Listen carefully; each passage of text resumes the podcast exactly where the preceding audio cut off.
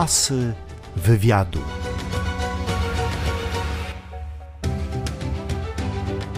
Barbara Fedoniuk, dzień dobry, witam Państwa i witam również mojego gościa. Dzień dobry.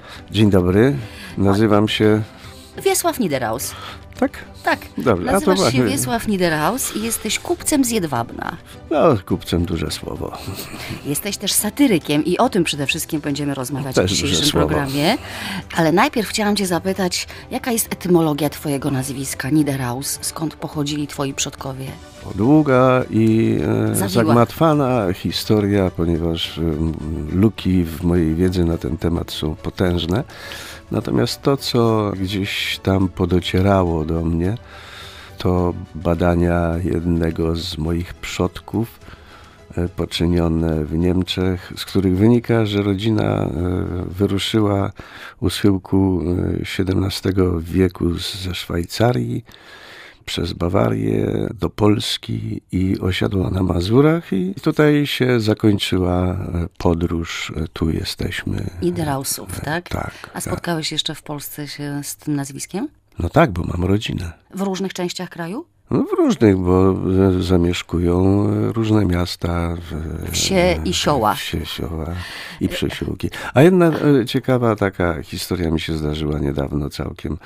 Na Facebooku dostałem zaproszenie do e, konta Jose Niederhausa z Argentyny, który okazuje się być członkiem mojej rodziny. Heniek Ni- Niederhaus. e, Jose, e, on, on Jose, raczej Józef. Józek. Józek, jakiś Józek. Wymieniliśmy kilka takich informacji sobie i kontakt się urwał, ale myślę, że jeszcze do tego wrócimy, bo jego opowieść o sposobie, w jaki dostał się do Argentyny. Prowadzi do tego, że mm, część rodziny tej e, bawarskiej wyemigrowała do Argentyny, uciekając przed wojną. I tutaj nie mogliśmy się dogadać, przed którą wojną. Wszystko przed tobą. Mhm. Powiedz mi, Wiesiu, jakie najgłupsze pytanie dziennikarz może zadać satyrykowi? Czy na przykład Polacy mają poczucie humoru? To jest jedno z najgłupszych pytań, które może usłyszeć satyryk, prawda? Nie, to jest e, fajne pytanie. Wiesz, no jest stara prawda mówiąca o tym, że nie ma głupich pytań, są najwyżej e, niemądre odpowiedzi albo ich A ja cię brak. zapytam inaczej. Nie czy Polacy mają poczucie humoru, tylko czy poczucia humoru można się nauczyć? Czy to jest raczej cecha wrodzona? Tego nie wiem, czy można nauczyć. E, Bo wiesz, są ludzie, którzy podejrzewam, że wiesz- wychwytują, że tak powiem, z naszej rzeczywistości różne zabawne wydarzenia. I nawet jeśli komuś się nie wydają one zabawne, to tej osobie, mam wrażenie, y, która ma to poczucie humoru, wydają się zabawne i potrafi tak to opowiedzieć, przetworzyć, że rzeczywiście powstaje z tego żart. Nie, to, to jest już oddzielna historia, to jest talent. O czym mówisz? Talent wychwytywania zabawnych historii, ubierania ich w puentę. To jest zupełnie co innego. To wynika z umiejętności postrzegania, spostrzegawczości, uwrażliwienia na pewne e, słowa, na sytuacje, na, na gesty. Czasami albo przeniesienie do innego kontekstu, albo utworzenie wokół tego kontekstu, którym to się wydarzyło, sytuacji, która powoduje, że jest to mm, Zagmatwałeś. Zaba zabawne. No bo to jest to zagmatwane. Kiedy ty w sobie odkryłeś ten talent satyryczny? No to pewnie jak się urodziłem. To już się śmiałeś od ucha do Się- ucha? Podobno się śmiałem, podobno byłem pogodnym, wesołym dzieckiem i Asy wywiadu. Urodziłeś się w Olecku, tam zacząłeś szkołę podstawową, potem kontynuowałeś naukę w szkole podstawowej w Węgorzewie, a potem w Bartoszycach. Tak jest. Dlaczego takie częste przeprowadzki? Bo chyba i współczesna nasza rodzina jest jakimś takim wędrownym stadem, jak, jak przodkowie, o których wcześniej mówiłem. To było związane z pracą ojca, który dostawał tam różne zadania do wykonania w różnych zakładach mleczarskich. Jak ty znosiłeś te przeprowadzki? Kolejna zmiana otoczenia, szkoły, kolegów? Fajnie, bo to każde, każde spotkanie e, łączyło się z pożegnaniem, a pożegnanie z kolejnym e, spotkaniem z nowymi e, kolegami, z nowymi koleżankami. Coś się działo. Coś się działo. Ja może wtedy sobie nawet nie zdawałem za bardzo sprawy, bo żegnałem ze łzami starych kolegów. Z radością witałem nowych. Potem się witaliśmy z nowymi, układaliśmy sobie swoje sprawy od nowa i, i znowu od nowa, i znowu od nowa. I znowu od nowa w Technikum Elektrycznym w Olsztynie. I tam w Technikum Elektrycznym w Olsztynie powstał zespół rockowy o wdzięcznej nazwie Apogeum, w którym to zespole ty grałeś na saksofonie. Tak, chciałem grać na saksofonie. To były takie próby, a tam nawet na puzonie jakąś partię grałem. Grałem też trochę na kontrabasie i śpiewałem. Skończyło się to na tym, że już potem tylko śpiewałem, ponieważ moje granie na instrumentach wymusiłoby na, zmianę nazwy z apogeum na perigeum. Koncertowaliście tylko w szkole, czy gdzieś poza mury szkoły? Nie, myśmy nawet, bra myśmy nawet brali udział w konkursie w Szczytnie. E, Trafiliśmy do Szczytna. Był jakiś konkurs zespołów szkół ponadpodstawowych, czy wtedy nazywano to średnimi. Mhm. Potem wybierasz polonistykę w Wyższej Szkole Pedagogicznej w Olsztynie. Powiedz mi, jak wyglądało w latach 70. życie towarzyskie, studenckie? Było intensywne, barwne, prawda? Dużo się działo. Działo się bardzo wiele. Ja mogę powiedzieć o życiu towarzyskim, w którym ja uczestniczyłem, bo trudno jest mi powiedzieć, jak wyglądało życie wszystkich studentów. Natomiast e, ja siłą rzeczy należałem do takiej grupy aktywnej kulturowo. Graliśmy koncerty, e, urządzaliśmy różnego rodzaju niespodzianki szaleliśmy trochę, studiując jednocześnie, zaliczając po kolei e, sesje.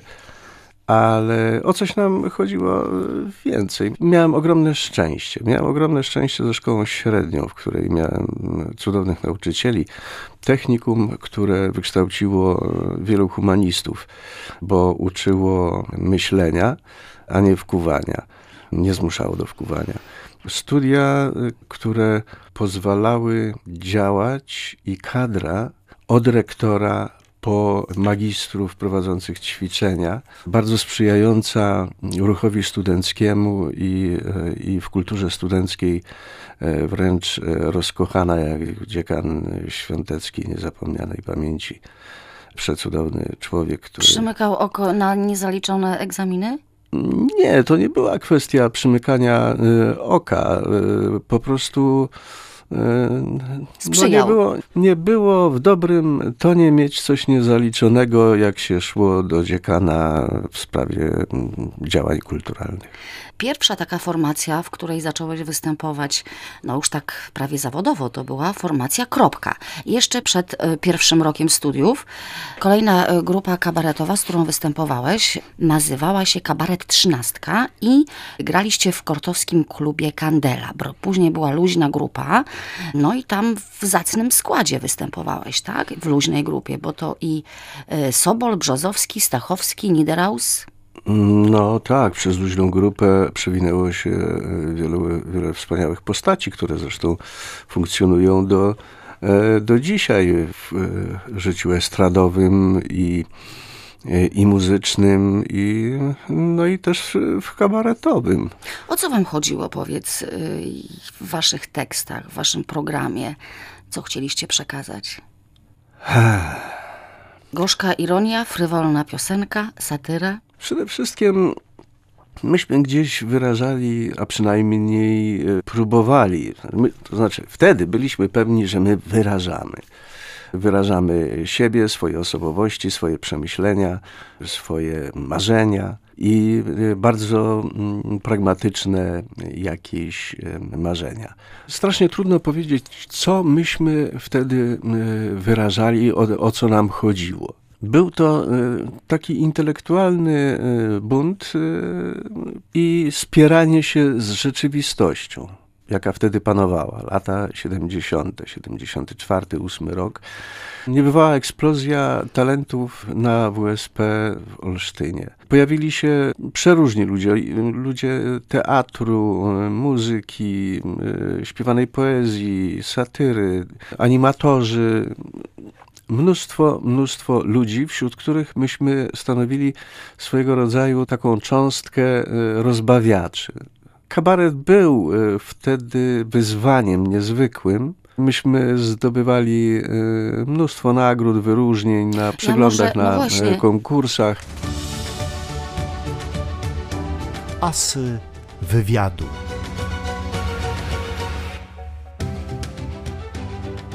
Mieliście jakieś problemy z cenzurą? Czy Czuję się, ingerencje? ale czuję się zobligowany do tego, żeby opowiedzieć o cenzurze, bo to było nieodłączne. Y, Pieczątka y, była nieodłącznym atrybutem y, koncertu na zewnątrz klubów uczelnianych.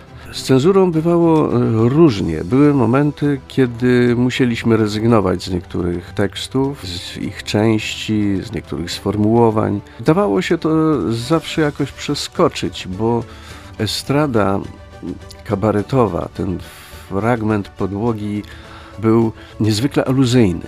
Tam y, posługiwaliśmy się, mówiąc o rzeczach zupełnie y, prostych, o trawie, o koniu, który trawę je, czy o małpie, która skacze, bo to małpa to już była y, dosyć poważna aluzja, y, która się wymądrza i skacze po drzewach i spada z gałęzi na gałąź, albo wrony, które przenoszą się z drzewa na drzewo i siadają y, na innych gałęziach.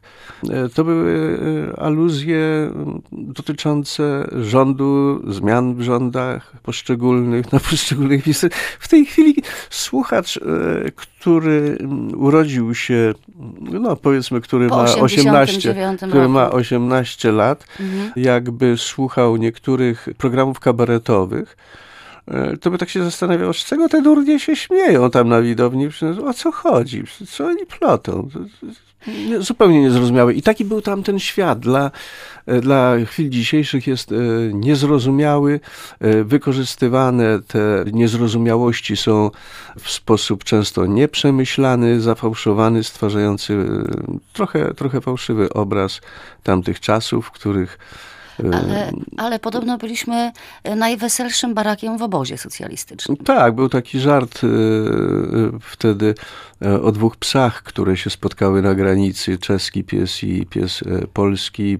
Pies polski szedł do Czech, e, do Czechosłowacji, e, w której były lepiej zaopatrzone sklepy, a, a czeski do Polski i ten czeski pies pyta polskiego psa, gdzie ty idziesz? Po co ty tam idziesz e, do Czech? A mówi, pojeść. I polski pies pyta czeskiego, a ty po co idziesz do Polski? Poszczekać. Wiesław, tak, byliśmy, byliśmy tym naj, najweselszym barakiem. czy ty czasami oglądasz w telewizji kabarety, występy kabaretowe? No jasne. Płaczesz wtedy? Nie, nie płaczę, ale, e, ale czasami się e, dziwię. Mhm. Czemu?